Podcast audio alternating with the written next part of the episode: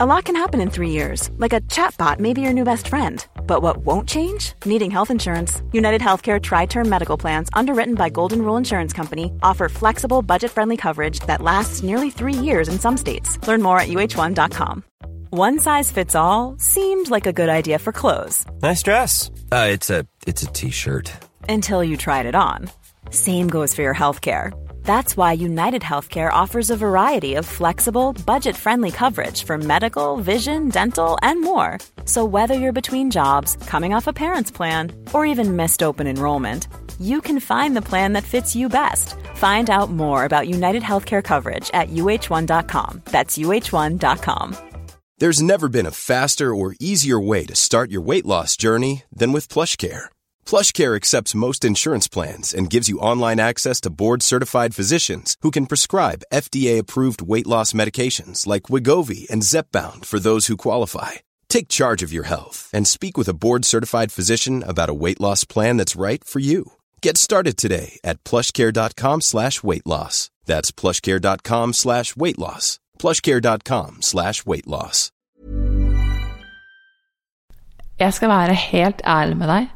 Jeg trodde veldig lenge at jeg var for rebell til å slite med flink pike-syndromet. Dønn ærlig, altså hånden på hjertet, ti, ti fingre Nei, ti kniver i hjerten, hjertet. Mor var i døden. Ah, var det flere som sa det, sa det da dere var små? Jeg tenkte at jeg var for Altså, jeg var for mye, for energisk, for vill til å kunne slite med pleasing.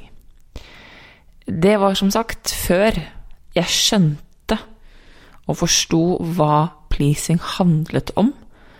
Og det var også før jeg ble ordentlig kjent med meg selv. I forrige ukes episode så snakket jeg om det jeg kaller for the disease to please, flink pike-syndromet, om hvordan pleasing hindrer oss i vår egen utvikling, både på privaten, men også på jobb. På slutten av denne episoden så sier jeg at ta med dere en case inn i denne episoden her, så skal vi jobbe. For jeg mener, som jeg alltid gjør, at én ting er å prate om det, noe helt annet er å sette ting i perspektiv, i system, og bruke verktøy. Og jeg kommer til å bruke verktøyene i Bedre på livet, boken jeg skrev sammen med Belinda Jacobsen, eh, i, som kom ut i januar. Der skal vi bruke det skjemaet i kapitlet eh, som heter 'Er det hysterisk, så er det historisk'. Eh, ja. Er det til? Ja, det er traumekapitlet. Side, wait for it, 107. Fordi jeg mener at det er kjempeviktig å skulle bli kjent med din indre pleaser, hva som trigger den, hva som setter i gang reaksjonen hos deg, for å kunne klare å vite hva du trenger å jobbe med. Så velkommen til dagens episode, og velkommen til en real god arbeidsøkt med meg.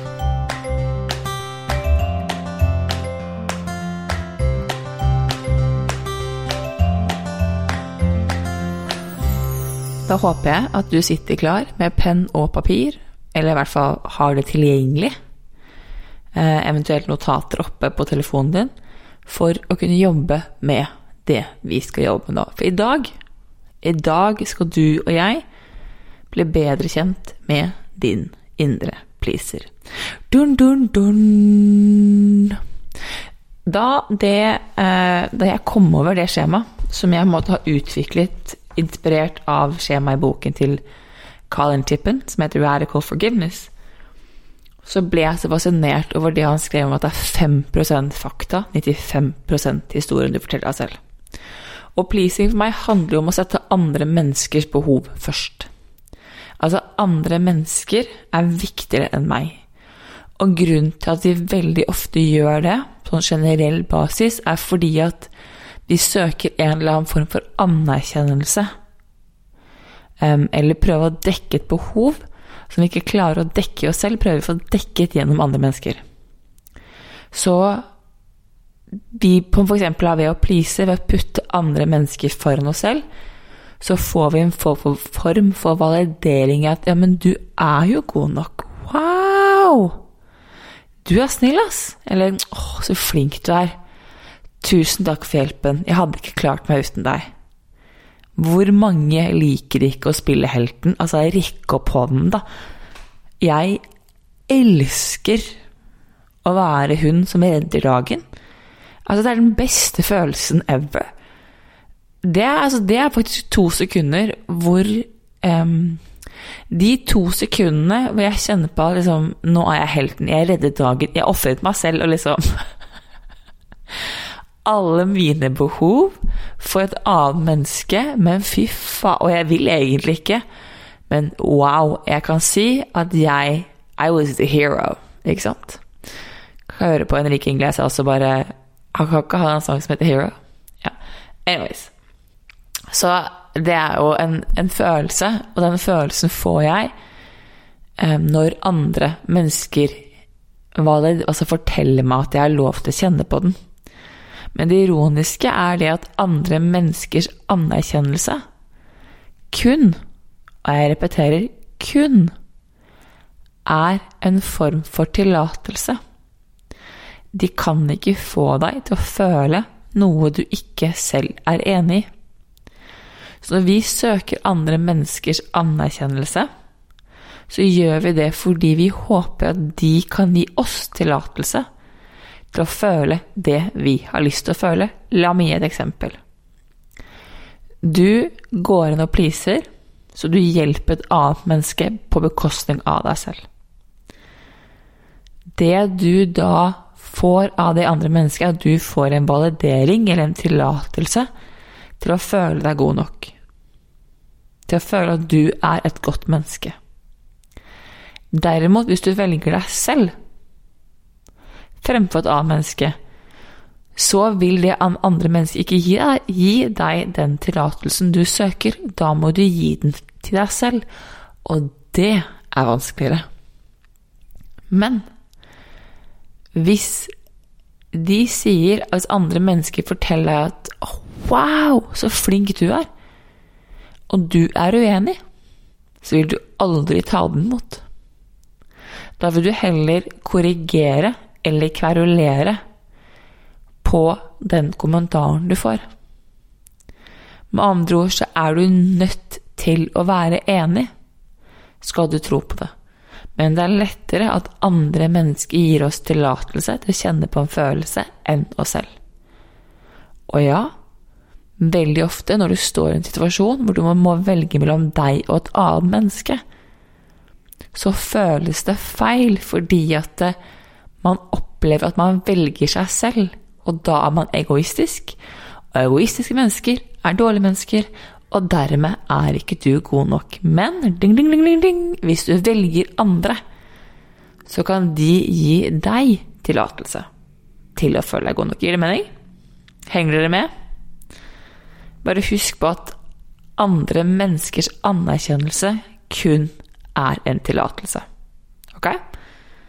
Bare fint å være klar over. Tilbake til skjemaet på side 107. Så i boken 'Bedre på livet' så sier jo Colin Tippen eh, at det er 5% fakta og 95 historien du forteller deg selv. Med andre ord så er det, en, det er et ark med fire deler. Denne rubrikken hvor det står 'fakta', skal du kun skrive det som fysisk har skjedd. Hvis du nå kommer med en situasjon hvor du har pleaset andre mennesker, du har overkompensert, med andre ord, du har gjort ting du kanskje ikke har så lyst til, så er det her den kommer inn. Hvis du har dratt på middag du ikke har orket, hvis du har hjulpet noen å flytte, så vil da Ja, la oss gjøre det. La oss bruke et flytteeksempel som en klassisk greie. Uh, la oss si at du har en ja, venner. Venner eller familie som trenger å flytte. Hjelp til å flytte. Ingen liker å flytte, det er grusomt. Uh, de skal flytte, de trenger hjelp til å pakke og bære og styre årene. Du har fri en helg. Så det er din frihelg. Det eneste du har lyst til, er å eh, Ja, vet ikke. Gjøre det du har lyst til å gjøre. Om det er å se på TV eller bake kake eller lese eller gå på tur eller ja. Du vil trene et eller annet. Du vil i hvert fall ikke pakke og rydde. Flytte. Men så ringer de, og så sier de sånn 'Å, men jeg sliter sånn, jeg har ikke tid, og vi skal flytte', og vi må være liksom Overtagelsen er på mandag, vi har ikke Ja, alt dette her. Klassiske sent ute, trenger hjelp. Fakta da, det er at La oss kalle hun for Kari. Kari skal flytte og trenger hjelp. Det er fakta.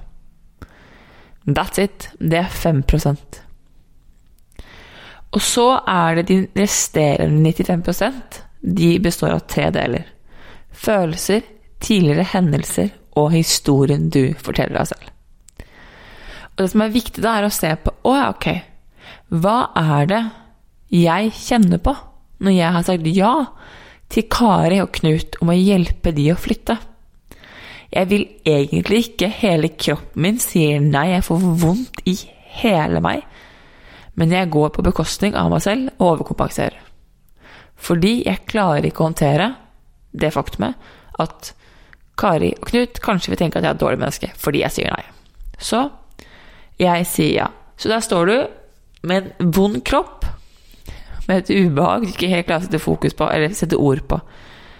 Hva består det ubehaget i? Hva er det du egentlig føler?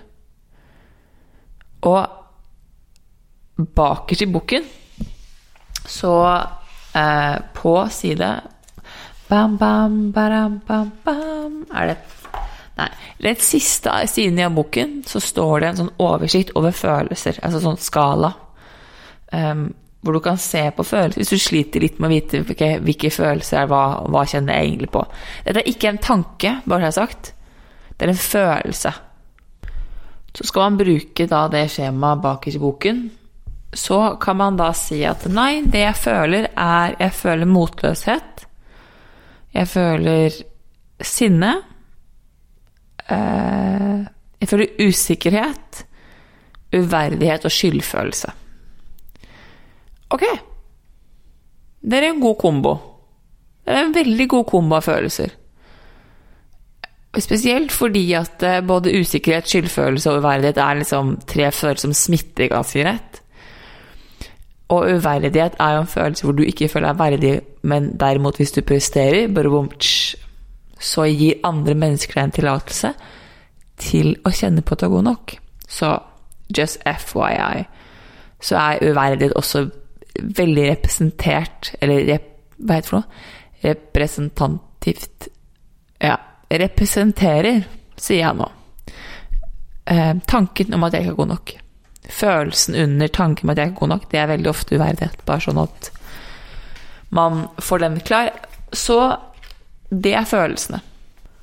Så når har jeg kjent på denne kombinasjonen av følelser før? Jo, for eksempel når mamma trengte hjelp med juleselskap, men jeg egentlig ikke hadde tid. Eller når en venninne hadde bursdagsfest eller navnefest for barna sine og spurte om jeg kunne hjelpe til å bake kake, og jeg egentlig ikke hadde tid. Eller også tredje situasjon eh, hvor jobben spurte om jeg kunne jobbe overtid, overtid, og jeg egentlig hadde lovet at jeg skulle være med en kompis som endelig var i byen. Ok, så du har da situasjonen med mamma. Du har en situasjon på jobb med overtid. Du har en bursdag og navnefest. Dette er da fire hendelser hvor du har overkompensert med deg selv. Så det Kari og Knut trigger deg når du sier ja til de, er ikke nødvendigvis den ene enkelthendelsen, men alle de andre hendelsene du har hatt før. Hvor det har vært lignende kombinasjon av følelser. Og da er det som kalles for the one million dollar question. Hva er historien du forteller deg selv? Hva er din tolkning? Hva er det som gjør at du i disse situasjoner, når denne kombinasjonen av følelser kommer, gjør at du ikke tør å velge deg? Hva er det du forteller deg selv som du tror på? Klassiske som går igjen, er at jeg er ikke god nok. Jeg er ikke verdig noen ting. Ingen vil like meg hvis ikke jeg sier ja. Hvem skal redde hvis ikke jeg gjør det? Um, jeg får det ikke til. Jeg må hjelpe andre mennesker. I, altså, på repeat Jeg er ikke god nok. Uh, hvem tror jeg at jeg er? Ingen vil like meg hvis jeg sier nei. Dette er jo sånn oppriktig klassiske følelser som, eller tanker, da, som ofte går på repeat. Jeg vet ikke hvor mange eh, som har sin egen versjon av at de er ikke gode nok.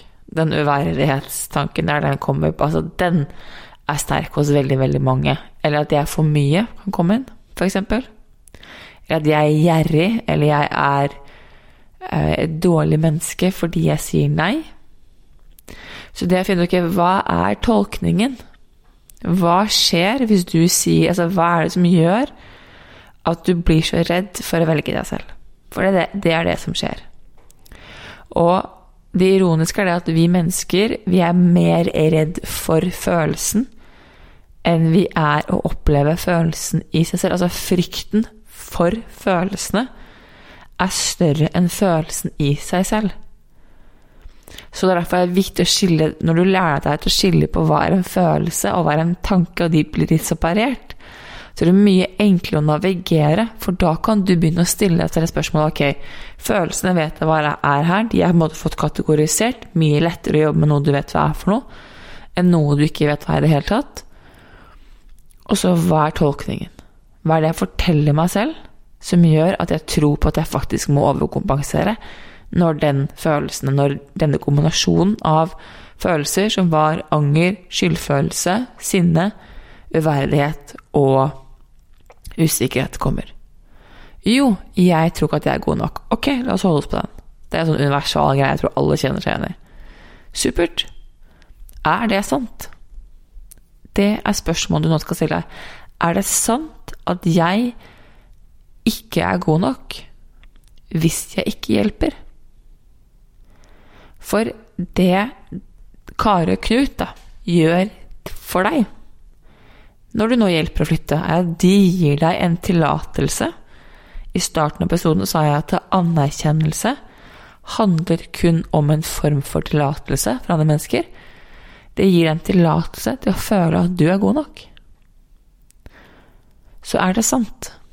Er det sant at du ikke er god nok? Og nå vil noen mennesker si ja, det er sant.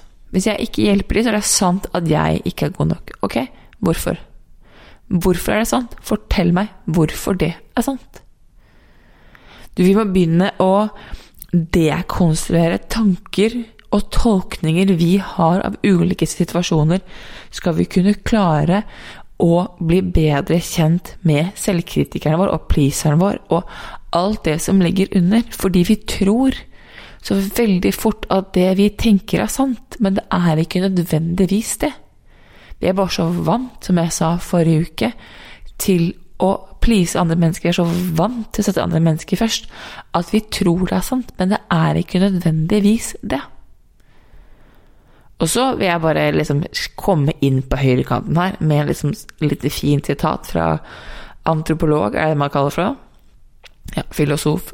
Veldig klok mann, Ken Wilber, som sa at alt er delvis sant. Noe er mer sant enn andre. Så ja, Kari og Knut vil tenke at du er et godt menneske hvis du hjelper. Men tenker du det? Tenker du at du er et godt menneske for deg selv? Tenker du at nå Og hvis svaret her er ja, ok, men hvorfor har du motstand? Hvorfor føler du at du overkompenserer? Hva er det du egentlig har lyst til, og hvorfor er det feil å føle at du er et godt menneske hvis du velger deg selv? Fordi det her er jo der vi skal begynne å dekonstruere. For hvis folk begynner å lære seg til Dette er min tanke og teori. er at Hvis vi kan lære oss til å velge oss selv, så gir vi også automatisk andre mennesker tillatelse til å gjøre det samme. Det betyr at vi kan ta flere gode valg, som gjør at vi, når vi først sier ja, så har vi mer å gi. Jeg elsker jo Michael Beckwith sin tanke som heter at Et nei er et, et bestemt nei er et ja til noe annet, og et ja er en forpliktelse. For når du da sier ja, så er du der. Og beste eksempelet er at jeg har jo um, Jeg har sagt det her før, jeg er ikke så veldig glad i sånne store familiesammenkomster. Og i helgen så hadde vi eh, familietreff på Hvaler. Altså hele storfamilien samles. Og for en person som er ganske avhengig av morgenrutinen sin, og trenger plass, så skulle vi måtte da skvise inn 13 voksne mennesker og to små barn inn på en hytte hvor liksom alle måtte dele rom. Og jeg bare kjente på at liksom Da det ble foreslått, så kjente jeg bare at hele meg låste seg. Jeg var sånn Å, fy fader. Jeg kjente motstand komme. Og så tenkte jeg ok, hva gjør jeg, liksom? Hva vil du, Isabel? Vil du være med? Ja, jeg vil være med. Ok. Vil du sove sammen med dem? Absolutt ikke. Så det jeg da gjorde, var at jeg sa til eh, min mor, som var arrangør, at vet du hva, kjempehyggelig, jeg kommer ned fredag, og så hjelper jeg til å forberede. Jeg hjelper veldig gjerne med en gjerne til, men lørdag kveld så drar jeg hjem. Da kjører jeg. Og jeg var hjemme veldig sent natt til søndag. Men det å få lov å våkne opp søndag morgen i leilighet hvor det var på en måte kun meg, hvor jeg kunne bare Ok, her har jeg bare plass til å boltre meg selv. Og gjøre akkurat det jeg har behov for å gjøre, var så sykt digg. Det var et øyeblikk hvor jeg følte meg jæklig sær. Og sånn helt Ja, sånn uber-weird. Som bare Nei, ha det, folkens, nå drar jeg. Og folk var sånn Ok, hvorfor drar du? Nei, liksom jeg har en morgenrutine som er veldig viktig for meg. Men for meg så var symbolet Altså Morgenrutinen var bare et symbol. Jeg hadde et behov som var veldig viktig for meg. Og jeg kjente det lørdag morgen, hvor vi allerede liksom var For da hadde broren min kommet fra Sverige, søsteren min kommet fra Porsgrunn, så da var liksom hytten vår allerede full. Og jeg kjente på at nå er jeg her, og det var litt for mange mennesker for meg sånn for mye kaos med tanke på eh, meg og min morgenrutine og det jeg på en måte egentlig er vant til, så tenkte jeg sånn Ok, det skal faktisk komme da liksom seks mennesker til. Ok, jeg er veldig glad for at jeg skal dra i dag. Det er veldig hyggelig å være her én dag få jeg til, liksom. Det er superhyggelig. Og jeg, når jeg først er til stede, så er jeg til stede. Som sagt, når jeg først sier ja, jeg er her, da er jeg der. Og da er jeg med. Men det var veldig godt for meg å vite at jeg drar hjem, og det var helt greit. Og det ironiske er det faktum at nå vet min familie Kjenner meg nå så godt at de vet at det der sannsynligvis ikke kommer til å skje. De vet at jeg kommer til å finne en annen måte å gjøre det på. Det er de vant med. Så det er ikke sånn at 'Å, jeg Isabel er sær', det er bare sånn Nei, men det er viktig for henne. Og som min kjære bror ville sagt 'You do you, I'll do me'. Så er jeg sånn, ja. Dette er da min måte å gi meg selv egenkjærlighet, egenkjærlighet på. Dette er min måte å anerkjenne meg selv. Men det er ubehagelig. Det er kjempebehagelig, for du blir stående i en skvis mellom meg og andre.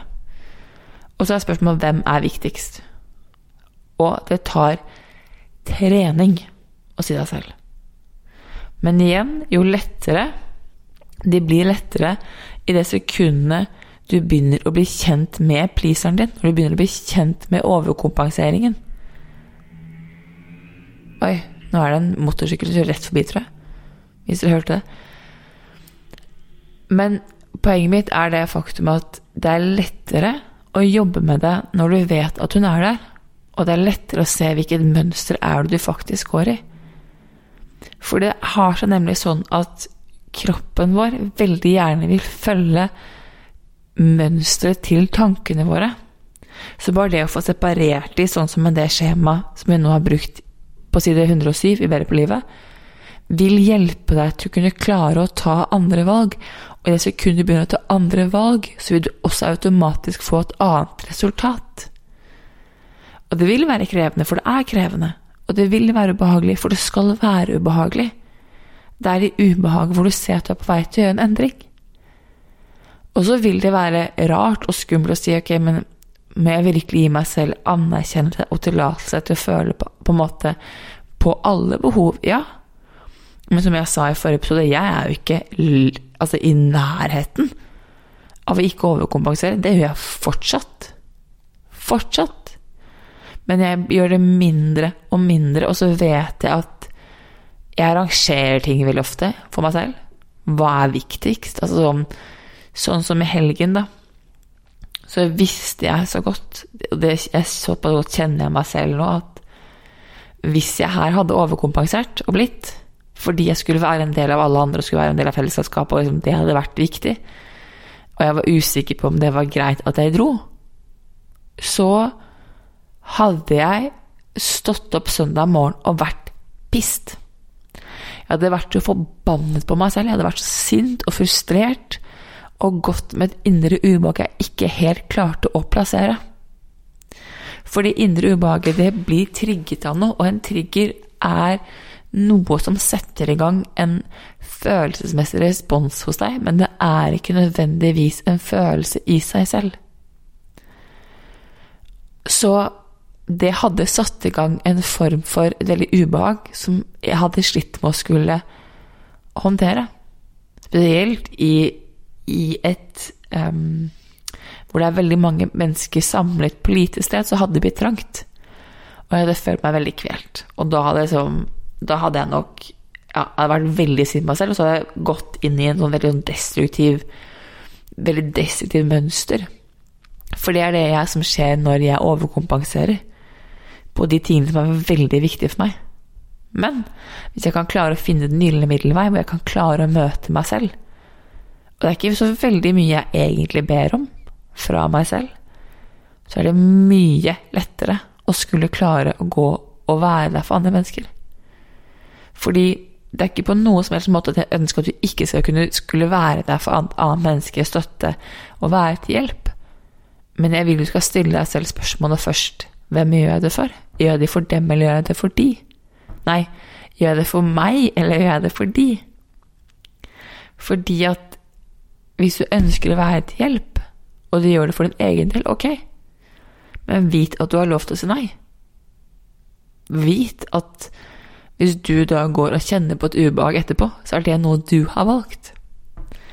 Og det er som um, Dr. Eager sier i The Choice, vi har alltid et valg. Men det handler om å bli kjent med valget. Og for å bli kjent med valgene du har, så må du også bli kjent med pleaseren i deg.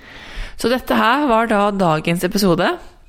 Jeg håper det hjalp. Har du spørsmål rundt skjema, har du spørsmål rundt noe av det her, så send meg gjerne en DM på um, Isabel Englert på Instagram. Og så tenkte jeg faktisk at jeg har litt lyst til å snakke om intuisjon med dere. Fordi at um, jeg tror det kan Jeg opplever at det, jo mer du velger deg selv, og jo mer du lytter til egen stemme, jo lettere er det også å lære seg til å lytte til intuisjonen sin og magefølelsen. Og jeg hadde en greie på Instagram Story her i uken som var, hvor jeg ikke valgte å følge veldig kort historie. Eh, jeg, hadde til, jeg hadde lyst til å se krigsskipet som kom til Oslo. Men jeg hadde ikke lyst til å løpe inn til Oslo fra Fornebu, jeg hadde lyst til å løpe ut på Fornebu. Så valgte jeg å si nei til magefølelsen, løp inn til Oslo fordi jeg var keen på å se skipet. Hva tror dere? Skipet lå ikke inne i Oslofjorden. jeg løp inn til Aker Brygge, der var ikke skipet. Nei, du er skuffet på vei hjem i sånn heftig motvind og bare er irritert. For jeg ender opp på en gåtur på ettermiddagen hvor jeg går ut ved sjøen. Hva tror du ikke jeg ser langt, langt på andre siden av fjorden? Mm. Ved liksom Nesodden og eh, Nordstrand-siden? Jo, skipet. Så var jeg sånn Tror du? Hadde jeg lyttet til magefølelsen min og løpt, rundt på Fornebu, så hadde jeg sett det skipet i dag tidlig. Ja. Og da spurte jeg om hva slags forhold dere har til magefølelsen og intuisjonen deres, og det var litt varierende, så jeg har litt lyst til å snakke om det. For jeg mener at det er liksom vårt egentlig sånn hemmelige våpen. Men, um, så det tror jeg jeg har lyst til å snakke om neste episode. Så har du, har du spørsmål rundt det, eller noe du vil jeg skal spesifikt ta opp, så igjen, send meg det. Men ha en magisk dag. Lykke til med pleaseren. Eh, og så snakkes vi snart igjen. Ha det! Ever catch yourself eating the same flavorless dinner three days in a row? Dreaming of something better? Well, HelloFresh is your guilt-free dream come true, baby. It's me, Gigi Palmer. Let's wake up those taste buds with hot, juicy pecan-crusted chicken or garlic butter shrimp scampi. Mm. Hello Fresh. Stop dreaming of all the delicious possibilities and dig in at HelloFresh.com. Let's get this dinner party started. Mom deserves the best, and there's no better place to shop for Mother's Day than Whole Foods Market. They're your destination for unbeatable savings, from premium gifts to show-stopping flowers and irresistible desserts. Start by saving 33% with Prime on all body care and candles. Then get a 15-stem bunch of tulips for just $9.99 each with Prime. Round out Mom's menu with festive rosé, irresistible berry chantilly cake, and more special treats. Come celebrate Mother's Day at Whole Foods Market.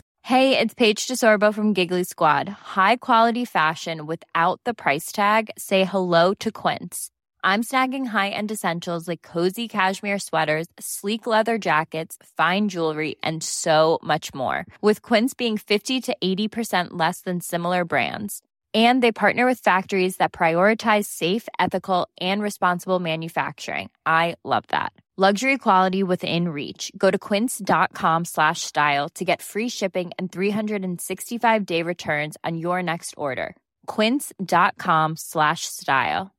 Imagine the softest sheets you've ever felt. Now imagine them getting even softer over time. That's what you'll feel with Bowl and Branch's organic cotton sheets. In a recent customer survey, 96% replied that Bowl and Branch sheets get softer with every wash. Start getting your best night's sleep in these sheets that get softer and softer for years to come. Try their sheets with a 30-night guarantee. Plus, get 15% off your first order at bowlandbranch.com. Code BUTTERY. Exclusions apply. See site for details.